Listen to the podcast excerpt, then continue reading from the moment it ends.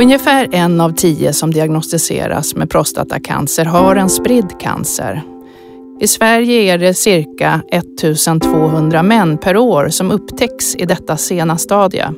Sen finns det också män som har haft en prostatacancer i många år, behandlad eller obehandlad, som så småningom också utvecklat metastaser. Till skillnad från många andra cancerformer så finns hjälp att få vid metastaserad prostatacancer, trots att tumören upptäcks när den spridit sig till andra delar av kroppen.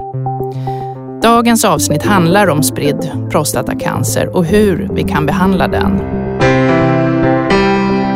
Välkomna till Prostatacancerpodden. Podden är för dig som är patient, anhörig eller allmänt intresserad. Jag som har podden heter Anna-Bill Axelsson och är urolog och forskare vid Akademiska sjukhuset och Uppsala universitet. Dagens gäst är överläkare i onkologi vid Sahlgrenska universitetssjukhuset, disputerad forskare och har stor erfarenhet att behandla män med spridd prostatacancer. Hon arbetar också med att förbättra vården i hela landet för denna patientgrupp. Ingela Frank Lisbrant, välkommen hit.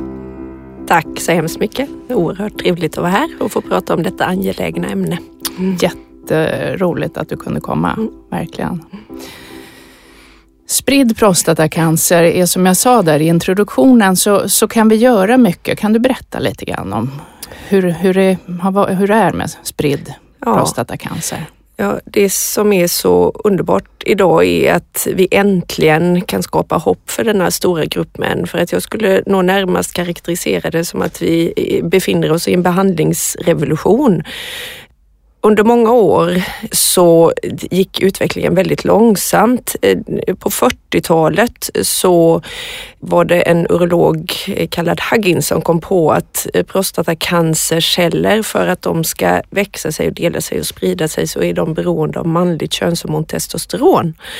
Och tar man bort testosteron på den tiden genom att operera bort testiklarna så kunde man få dramatiska effekter på prostatacancercellerna. Många av cellerna dog och andra lade sig och vila.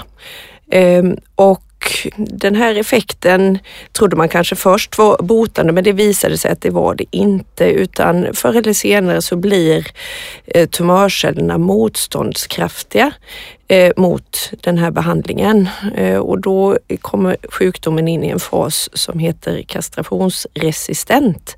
Och det är i den fasen där det behandlingsmässigt har hänt oerhört mycket de sista, skulle jag säga, fem åren.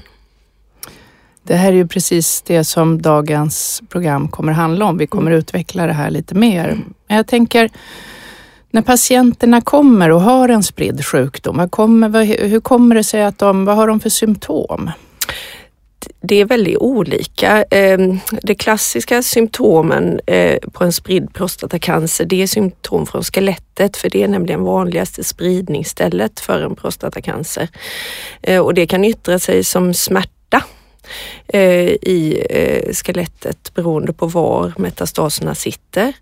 Det är också vanligt med mer allmänna symptom som trötthet, aptitlöshet, eh, en del eh, patienter kan få svullnader i benen beroende på att lymfkörtlarna är förstorade och sen är det också de klassiska symptomen eh, vid en prostatacancer, att man har eh, svårt att kissa eller tryck mot tarmen eller så. Just det. Vad gör vi för undersökningar när de kommer till oss? Det är den klassiska utredningen eh, som görs hos urolog, det vill säga att eh, man kontrollerar ett PSA, eh, det är blodprov, alltså prostataspecifikt antigen. Vi kan också titta på blodvärde och på njurfunktionsvärde. Eh, och sen så gör man som sagt den klassiska utredningen med att känna på prostatan och ta vävnadsprover från prostatan. Och sen måste man ju göra någon typ av bilddiagnostik för att försöka hitta var metastaserna sitter. Eh, och tidigare var det så att vi ofta nöjde oss med bara en skelettundersökning eftersom vi visste att det var det vanligaste spridningsstället. Idag nöjer vi oss inte med det. För att det vi hittar tittar på eh, röntgenundersökningarna eller bilddiagnostik, alltså den utredningen, det styr den fortsatta behandlingen så att många patienter gör även skiktröntgen av magen och bröstkorgen också. Och vad är det för, på vilket sätt, när är det vi misstänker att den är spridd egentligen? Ehm, det är om PSA-värdet är kraftigt förhöjt eller ifall man har eh, symptom då som jag beskrev tidigare med smärta och trötthet och viktnedgång och så. Det, det är det klassiska eh, som, som gör att man kan misstänka en spridd cancer. Och när man då har konstaterat att den är spridd och man då har sett på skelett skint eller på mm. PET-CT eller någon annan sån här eh, bilddiagnostik att det finns spridning. Vad gör vi då rent konkret? Mm. Då, då startar man det som vi kallar för hormonbehandling, det vill säga att eh, det är en behandling som syftar till att minska nivåerna av manligt könshormon, ta bort eh, testosteronet helt enkelt. Eh, och det kan man göra på olika sätt. Dels eh, det, det, klassiska som man då gjorde eh, på 40-50-talen och ända fram till egentligen eh, ända in på 80-talet. Det var kirurgisk kastration, det vill säga att man tog, opererade bort testiklarna då får man ju en omedelbar sänkning av testosteronet.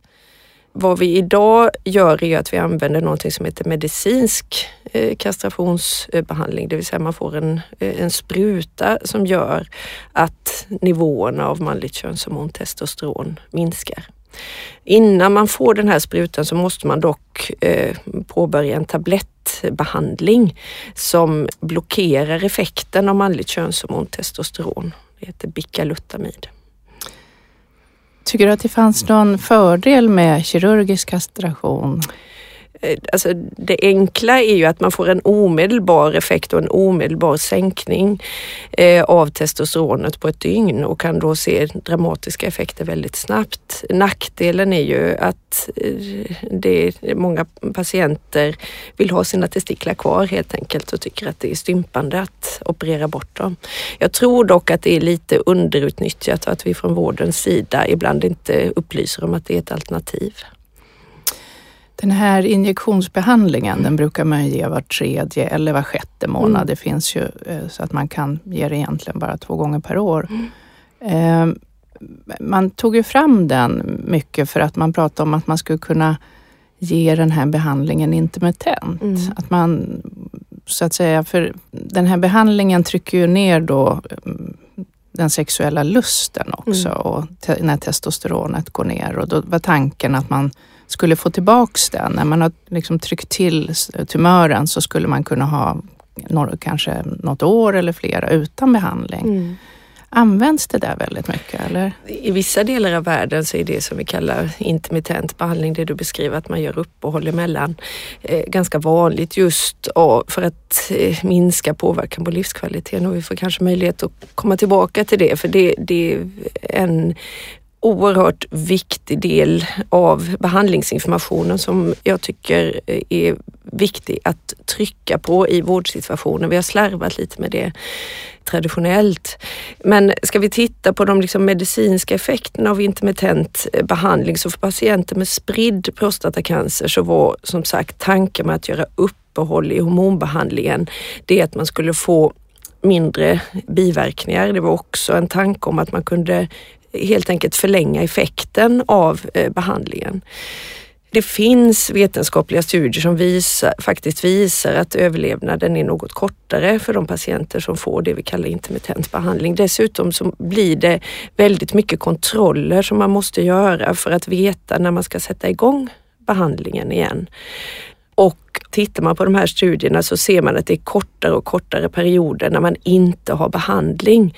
Så totalt sett idag, ska man väga samman detta så, så tycker jag att huvudrekommendationen är att man har kontinuerlig behandling. Ibland så väljer vi också att sätta in bara tabletter som så att säga fungerar lite annorlunda. De blockerar tumören från att ställa till skada kan man säga. Men samtidigt så har man en hög nivå av testosteron i blodet mm. så att resten av kroppen, så att det minskar inte den sexuella lusten till exempel. Den här tablettbehandlingen, används den vid spridd sjukdom? Det kan man absolut eh, överväga. Eh, där tycker jag att man måste ha en diskussion med patienterna. De eh, patienter som vi i första hand väljer ut för enbart enbart eh, eh, hormontablettbehandling. Det är ifall man har väldigt begränsad spridning, det vill säga om man bara har spridning av sin prostatacancer till lymfkörtlar eller om eh, det är väldigt få metastaser i skelettet. Då kan man definitivt, eftersom det är så eh, mycket färre biverkningar med bicalutamidbehandlingen så, så kan man Eh, diskutera detta. Dessutom är det så att det finns studier som har jämfört eh, hormontabletter med hormonspruta på patienter med spridd sjukdom och överlevnadsvinsten i den studien var endast eh, sex veckor med kastrationsbehandlingen. Så den, den frågan ska man lyfta. Men har du en patient som har mycket metastaser och mycket symptom av sin cancer, då är det viktigt att komma in igång med kastrationsbehandlingen snabbt. Och den har ganska snabb effekt också. Mm. Alltså att om de kommer med med sina metastaser, hur, vad kan de förvänta sig? Om de har ont i ryggen eller ont i höften och på grund av metastas, vad kan de förvänta sig när de får den här behandlingen insatt? Ja. Eh, väljer man att operera bort testiklarna, då har man det vi kallar för kastrationsnivå, det vill säga väldigt låga nivåer av testosteron redan inom ett dygn och då kan man se dramatiska effekter på smärta och så. Eh, den vanligaste injektionsbehandlingen som vi ger i form av hormonspruta där tar det två till fyra veckor innan vi kommer ner på kastrationsnivå. Då tar det lite längre tid innan man får symptomlindringen av behandlingen. Just det, så att mm. man, man, om det är bråttom, ibland är det ju det för ja. att de har väldigt allvarliga metastaser Precis. som är, är, är, livshotande kan man säga. Om de sitter i, mot ja. ryggmärgen och trycker ja. eller så. så. Då är vi ju fortfarande angelägna om att få ner det här testosteronet blixtsnabbt. Precis. Men annars så ofta spelar det inte så stor roll att det tar några veckor. Nej, det är väldigt viktigt det du säger ibland eftersom metastaserna sitter i, ofta i kotbelaren så kan de ju trycka på ryggmärgen och ge symptom i form av bensvaghet och känselpåverkan i benen och då måste man verkligen dra eh, öronen åt sig och utreda det snabbt med en magnetkameraundersökning. Ehm, och hittar man då att det trycker på ryggmärgen, då behöver man in med kastrationsbehandlingen snabbt. Och då kan man antingen operera bort testiklarna, men det finns också injektionsbehandling, en annan form av spruta som sänker nivån av testosteron redan på ett dygn. Jag tänker det här med hormonbehandling, när man hittade den här dramatiska effekten så de faktiskt trodde att de hade hittat en bot för att det, det var så att tumören drar sig helt enkelt tillbaka. Så mm. man har inte längre ont och den syns inte heller på bilddiagnostiken, eller hur? Det, det, är ju som sagt inte en botande behandling. Så när gör man ny bilddiagnostik så kan man förvisso se att vissa av metastaserna har försvunnit, andra finns kvar men kanske inte lyser eh, och är lika eh, aktiva som tidigare. Eh, det är ganska få fall skulle jag säga där man inte hittar metastaser efter behandling. De finns ju där, det vet vi. Jag tänker när jag började som urolog, då, då hade vi en, en kurs där vi fick lära oss om det här och då beskrevs det just att, ehm, vilket jag sen har sett vid åtskilliga tillfällen, att det kommer en väldigt, väldigt sjuk man mm. och sen inom kort så kommer de eh, och, och lyser hälsa igen. Mm. Det är ju väldigt fascinerande. Absolut. Det är lite Lazarus ta din säng och gå-känsla. Ja. Det är få behandlingar vi har inom onkologin där vi kan se så dramatiska effekter så snabbt. Ja. Det håller jag med mm. Men det finns ju vissa nackdelar också. Annars så, hormonbehandling kan man ju använda även vid andra tillfällen och ibland har man funderat på om man ska sätta in det tidigare och det där är en debatt jag inte tänkte vi skulle gå in så mycket på för det, det, man tycker så olika. Men mm. Men det finns lite nackdelar också mm. som framförallt är en nackdel om man står på det i väldigt många år. Du kan väl berätta lite om biverkningarna? Absolut. Vad, vad gäller kastrationsbehandlingen då så vad vi gör är att försätta mannen i ett manligt klimakterium. Och det innebär då att biverkningarna är bland annat det som vi som kvinnor kan uppleva när vi kommer i klimakteriet, nämligen värmevallningar och svettningar. Det är ett vanligt bekymmer. Det kan variera från väldigt lite besvär till att eh, det finns män som har så mycket svettningar så att eh, när de eh, sover på natten att lakan och så blir alldeles blöta av svett och då blir det ju väldigt livskvalitetpåverkande och då har vi behandlingar för det. Ehm, Trötthet är en annan vanlig biverkan. Det blir ju motsatsen till anabola steroider så många upplever ju en muskelsvaghet. Dessutom skulle jag säga den, den största livskvalitetpåverkande symptomet som många män beskriver det är ju påverkan på den sexuella lusten och förmågan. Med hormontabletten så är de biverkningarna mindre men med kastrationsbehandlingen så blir ju både lust och eh, förmåga påverkade. Det går att eh, få hjälp för detta också. Men eh, jag tror att vi behöver lyfta den diskussionen ehm, betydligt mer med patienterna än vad vi gör idag. Sen vill jag också understryka påverkan, det vi kallar för kognitiva effekter, det vill säga att många patienter beskriver en nedstämdhet. De är lite långsamma i tanken. Och en annan mycket, mycket viktig biverkan som jag ser nu eftersom de här patienterna lever med fullgod livskvalitet så oerhört länge, det är bekymret med benskörhet. Står man på kastrationsbehandling då tappar man 4 till 5 procent av benmassan per år. Och det gör att vi måste vara betydligt mer aktiva, dels och utreda eventuell bentäthet men också behandla. Men framför allt att för alla de här, de flesta av de biverkningar som jag har beskrivit så är det oerhört viktigt med fysisk aktivitet. Um, och där tror jag också vi slarvar lite grann från vårdens sida idag. Alltså livsstilen är viktig. För benskörhet eh, så är fysisk aktivitet med stöta på skelettet viktigt med dagliga promenader, styrketräning och så. Sen har det kommit lite nya studier där man, är, nu, man, vi börjar ju alltid med kastrationsbehandling men ibland nu finns det data som talar för att man kanske samtidigt ska ge mm. cellgifter. Mm. Gör ni det på onkologen? Absolut, det skulle jag säga att det, det är en av de största eh, dramatiska överlevnadsvinsterna vi har sett för den här patientgruppen sedan 40-talet i princip. Ehm, och det kom, eh, dels finns det en stor amerikansk eh, studie och, men även en stor brittisk studie som har visat dramatiska överlevnadsvinster genom tillägg av cytostatikabehandling till hormonbehandling för patienter med spridd prostatacancer. Hur går det till då när de får det? Ja, de patienter som framförallt är aktuella är de som har mycket metastaser i skelettet. De eh, börjar då sin hormonbehandling och sen eh, inom tre månader så får de starta kompletterande cytostatikabehandling och det får man i droppform var tredje vecka vid sex tillfällen. Sammanlagt sex tillfällen? Ja, sammanlagt sex tillfällen. Mm, så att sex injektioner med tre veckors mellanrum och det, den, det är en droppbehandling på ungefär en timma. Och så får man en för och efterbehandling med kortison för att förebygga överkänslighetsreaktioner. Hur mår de av den här behandlingen ja. när, de får det? Mår man dåligt? Tappar man hår? Kräks man? Ja. Ehm. Det där är väldigt individuellt. Ehm, i de här studierna så var de flesta patienterna väldigt unga och pigga.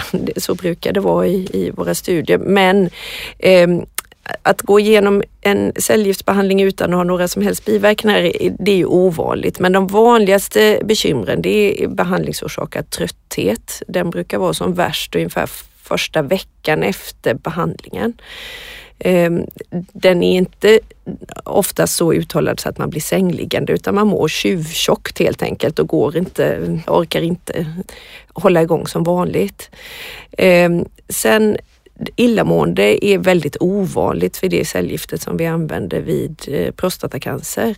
Däremot så är slemhinnepåverkan av olika slag, alltså smakpåverkan, man kan få lite magkatarrsbekymmer. Enstaka patienter kan få besvär av diarré. Eh, och som du frågade om hår, eh, om man tappar håret och det, det gör man. Alltså vi använder faktiskt ismössa på en del av, eh, eller vi erbjuder ismössa till de här patienterna. Då kyler man ner skalpen så att cellgiftet inte når hårsäckarna och då kan man minska risken för att tappa håret. Den ur medicinsk synpunkt farligaste biverkan det är infektionskänslighet och det är vanligt vid det cellgift som vi eh, använder vid prostatacancer. Så därför använder vi ibland eh, benmärgsstimulerande sprutor för att minska risken. Eh, det det är väldigt viktigt att man informerar patienten om just den biverkan. För får de feber så måste de söka akut. Söker man bara akut och kontaktar oss, då kontrollerar vi de vita blodkropparna och ligger man då väldigt lågt och har feber samtidigt så läggs man in och får antibiotikabehandling och så är det lugnt. Eh, och när man får den här cellgiftsbehandlingen då är det väl de närmaste dagarna man brukar må sämst och sen mm. återhämtar man sig och det är då man går på igen efter tre veckor ja. då när man är i full kraft igen. Precis. Så att det blir lite berg och dalbana i hur man mår under de där veckorna. Det är verkligen så. Alltså de, precis behandlingsdagen och ett par dagar efter då får man höga kortisondoser så då brukar man känna sig ganska uppvarvad. Sen dag 3, 4, 5, 6 efter behandlingen då är de flesta som allra mest trötta och sen andra veckan efter behandlingen börjar man successivt återhämta sig och sen veckan innan nästa behandling så, så brukar de flesta må ungefär som vanligt. Sen för varje behandling blir man naturligtvis tröttare och tröttare.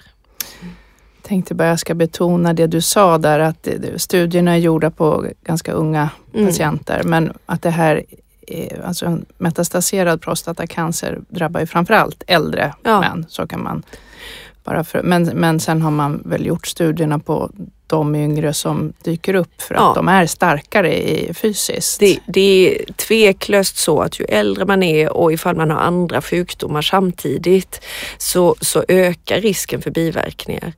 Men principen tycker jag är att de här patienterna ska diskuteras på vår multi multidisciplinära konferens där vi sitter urologer och onkologer ihop.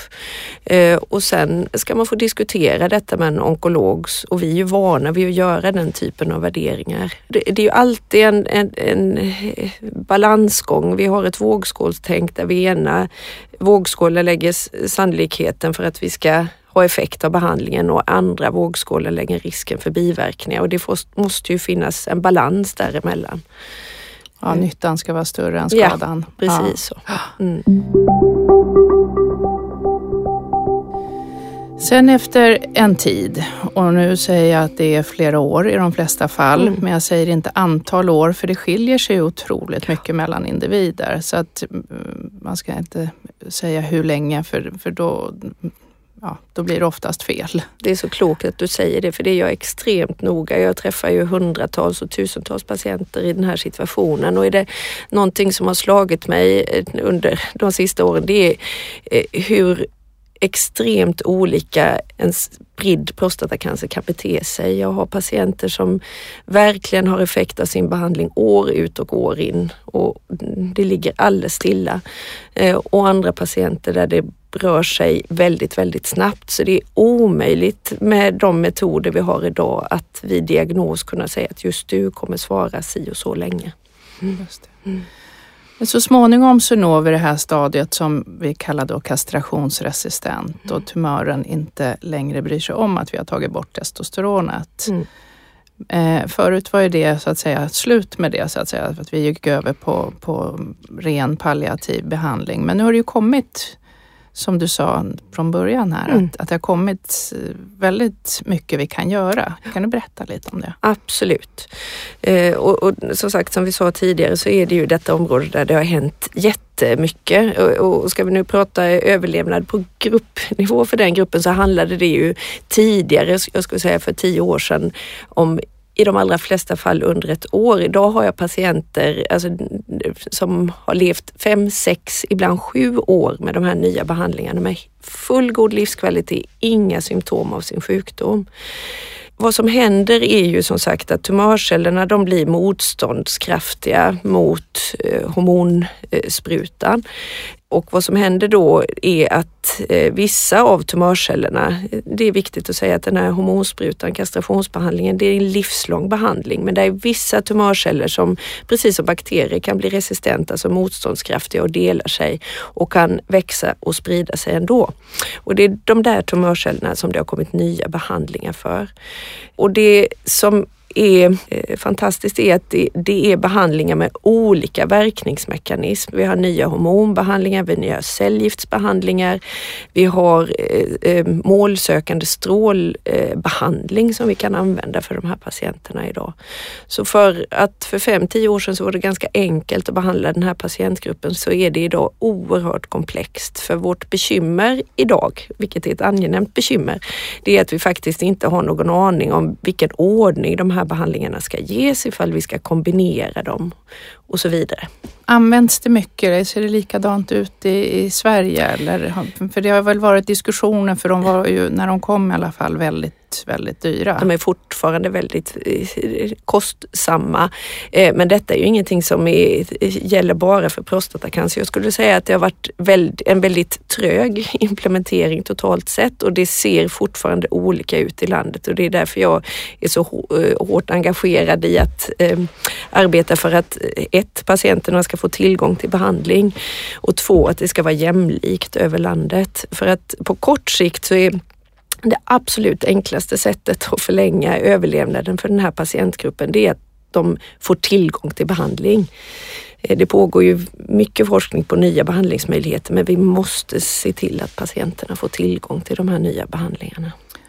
Och de här nya behandlingarna, vi behöver inte gå in på dem i detalj, men jag tänker en sak som är viktig där, det är ju förstås livskvaliteten. Mm. För det här med att bara förlänga livet om man bara ska må miserabelt och ha fruktansvärt ont mm. eller så, då, då kanske inte att vinna månader eller halvår är, är värt det. Men, men hur mår de på de här behandlingarna? Och det, det, alltså när, när patienterna kommer till eh, mig för att diskutera de här nya behandlingarna, då är det i princip tre ben som jag vilar mina beslut på.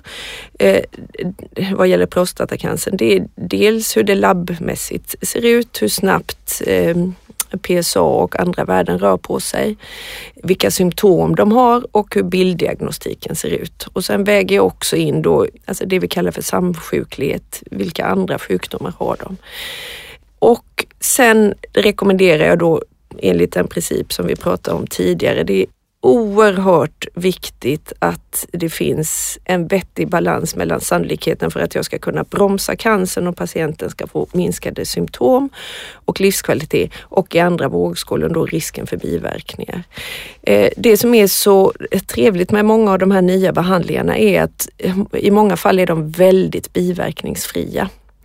Tittar vi på de nya hormonbehandlingarna så vissa patienter kan bli lite trötta, man kan samla på sig lite vätska. Ehm, enstaka patienter kan få lite leverpåverkan och så. Men det, nej, det är enkla behandlingar. Ehm, så att just biverkningssidan vad gäller de nya hormonbehandlingarna, det är inte så skrämmande utan de flesta tål dem. Sen har vi nya cellgiftsbehandlingar. Där är det ju som alltid att cellgiftsbehandling är tuffare men många tål det på ett väldigt bra sätt. Och den här nya målsökande strålbehandlingen är också förhållandevis biverkningsmässigt enkel. Det, det, som krävs, vilket är nytt för fältet, det är ju att de här patienterna kan man inte ha på kontroll var sjätte månad utan det krävs tät kontakt, ofta har de sjuksköterskekontakt en gång per månad och läkarbesök var tredje månad. Och det görs, gör ju att vården har inte riktigt varit, utvecklingen har gått så fort så att vi inte är dimensionerade för att ta hand om denna jättestora patientgrupp. Men det jobbar vi hårt på. Um, och, och, det här är någonting som vi kan lösa. Mm. Det är ju fantastiskt. Det här ja. är ju något som har hänt under våran tid i, i, i den här professionen. Ja. Det är jätteroligt att se att det finns så mycket att göra. Ja. Det finns så mycket hjälp att få. Men så småningom så, så kan vi inte mm, mota tillbaks tumören. Vi kan inte få hålla tillbaks den. Och då kommer vi in i ett rent palliativt stadie där vi ger smärtlindring så man inte mm. har ont. Mm. Och, men man kan också ge lite onkologiska behandlingar. Absolut. Eh, bara för att vi avslutar det vi kallar för den eh, alltså, onkologiska behandlingen med hormonbehandling, cellgift och strålbehandling så är det inte så att vi kastar in handdukar på något vis utan det, det är ju bara att vården får en annan inriktning eh, där vi fokuserar mer på symptomlindring. Och där har utvecklingen gått oerhört snabbt också. Vad det gäller prostatacancerpatienter så är det som vi sa ofta så att man kan ha ont i skelettet och där kan vi strålbehandla. Ofta räcker det att man punktstrålar mot skelettet vid ett tillfälle för att eh, majoriteten av patienter som får denna behandling ska bli eh, smärtlindrade. Och det är underutnyttjat idag men det är en väldigt bra behandling. Det man behöver veta som patient är att under de första två veckorna efter man har fått sin strålbehandling så kan det göra lite mer ont men sen kommer den smärtlindrande effekten. Och då kan man också trappa ner smärtlindring Absolut. och så vidare. Så det, ja. det har stora fördelar verkligen. Och där är det viktigt för män med prostatacancer som grupp är väldigt tåliga ehm, så att vi får ägna ganska mycket tid åt att motivera eh, att använda de fantastiska smärtlindrande mediciner som vi har idag men också att utnyttja det här med, med strålbehandlingen. För att smärta är både fysiskt och psykiskt tröttande, det ska bort och vi är duktiga på att behandla det idag. Jag tycker att man ofta stött på att äldre män, som du säger, de, de eh, ska vara tappra och mm. vill inte ha smärtlindring och mm. så vidare. Men, men att de också är rädda för morfinpreparat för de tänker att det är, det är knark. Och, och så ser ju inte vi alls det i vården utan morfinpreparat är ju fantastiska mm. mot smärta mm. om, man, om man har en, en långt gången cancer. Det är ett pedagogiskt bekymmer där vi doktorer verkligen måste ta den tiden att eh, förklara att man blir inte morfinberoende när man har en smärta som kräver morfin för att lindras. Eh, och sen är det igen viktigt där att man har en tät eh, både doktors och sjuksköterskekontakt för att komma upp i den dos som krävs för att smärtan ska försvinna. För det påverkar också behandlingsmotivationen. Och det där är ett hantverk som är, är mycket viktigt att ägna tid åt.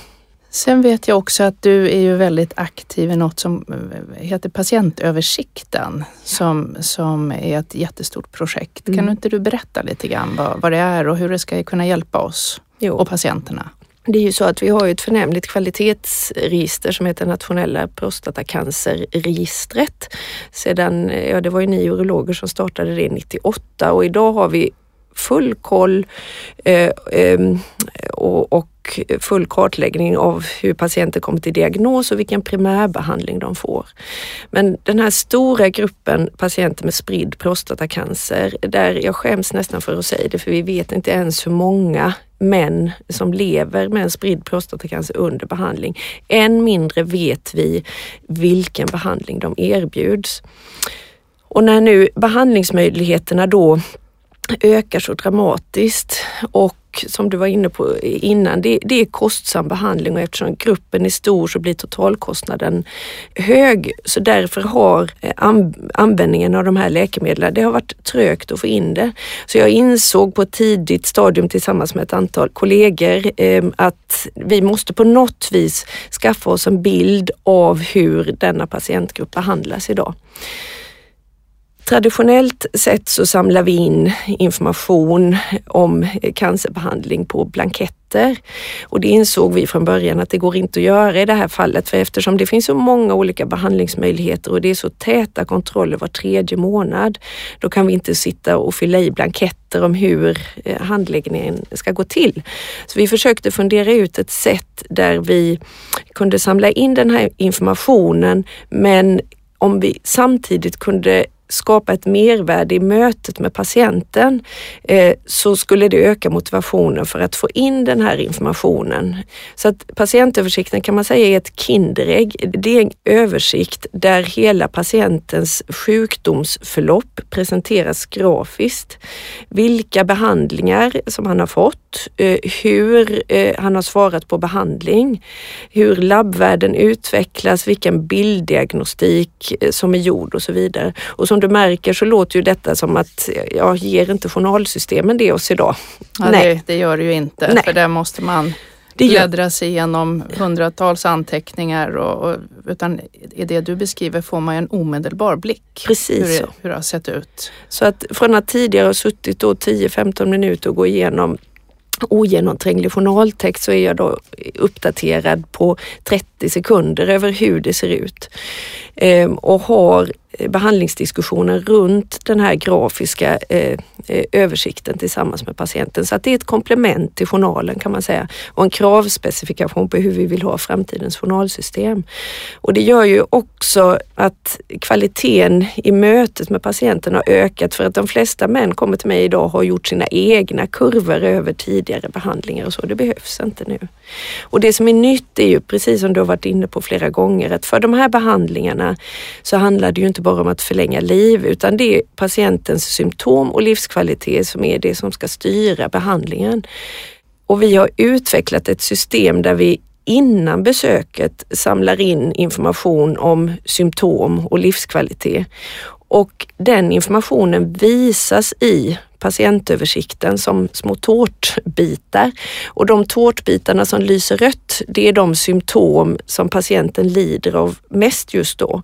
Och vad innebär det? Jo, det innebär att jag i mötet med patienten kan fokusera på det som är viktigt för patienten just då. Är det smärta, är det aptitlöshet och så vidare. Det kommer öka kvaliteten i mötena för både patient och doktor högst väsentligt. Och detta samlar vi ju då in vid varje besök och det innebär ju att eh, idag så har vi full koll. Tittar jag på Sahlgrenska där jag jobbar, vi vet varenda patient som vi har på de olika behandlingarna. Ifall vi sätter in det på rätt patient, eh, hur de har svarat och så vidare och så vidare. Och på lite sikt när vi får det här nationellt täckande så kommer vi då kunna bevaka att det finns en jämlik tillgång till de nya behandlingarna över landet. Ja, det blir ett jättebra verktyg att också trycka på politiker och ja. andra att, att det här ska vara jämlikt Absolut. över landet. Absolut. Mm. Jag tycker man kan summera med att även om vi pratar om någonting så allvarligt och svårt som en spridd sjukdom så har vi verkligen väldigt mycket vi kan göra och det kommer nya saker hela tiden och forskningen pågår verkligen i detta område. Och så det här jättefantastiska med patientöversikten som gör att vi kommer kunna se att rätt patienter får rätt behandlingar och att de svarar och om de inte svarar så byter man. Jättespännande att du har varit här. Tusen tack Ingela Frank Lisbrandt, överläkare vid Sahlgrenska universitetssjukhuset och disputerad forskare. Och vill du höra fler avsnitt om Prostatacancerpodden så välj de som passar dig. Podden är upplagd så att det är indelat i olika områden, så välj de som passar. Vi finns på Facebook och vi finns där poddar finns. Tack också till Erland Carling på Beppo ljudproduktion.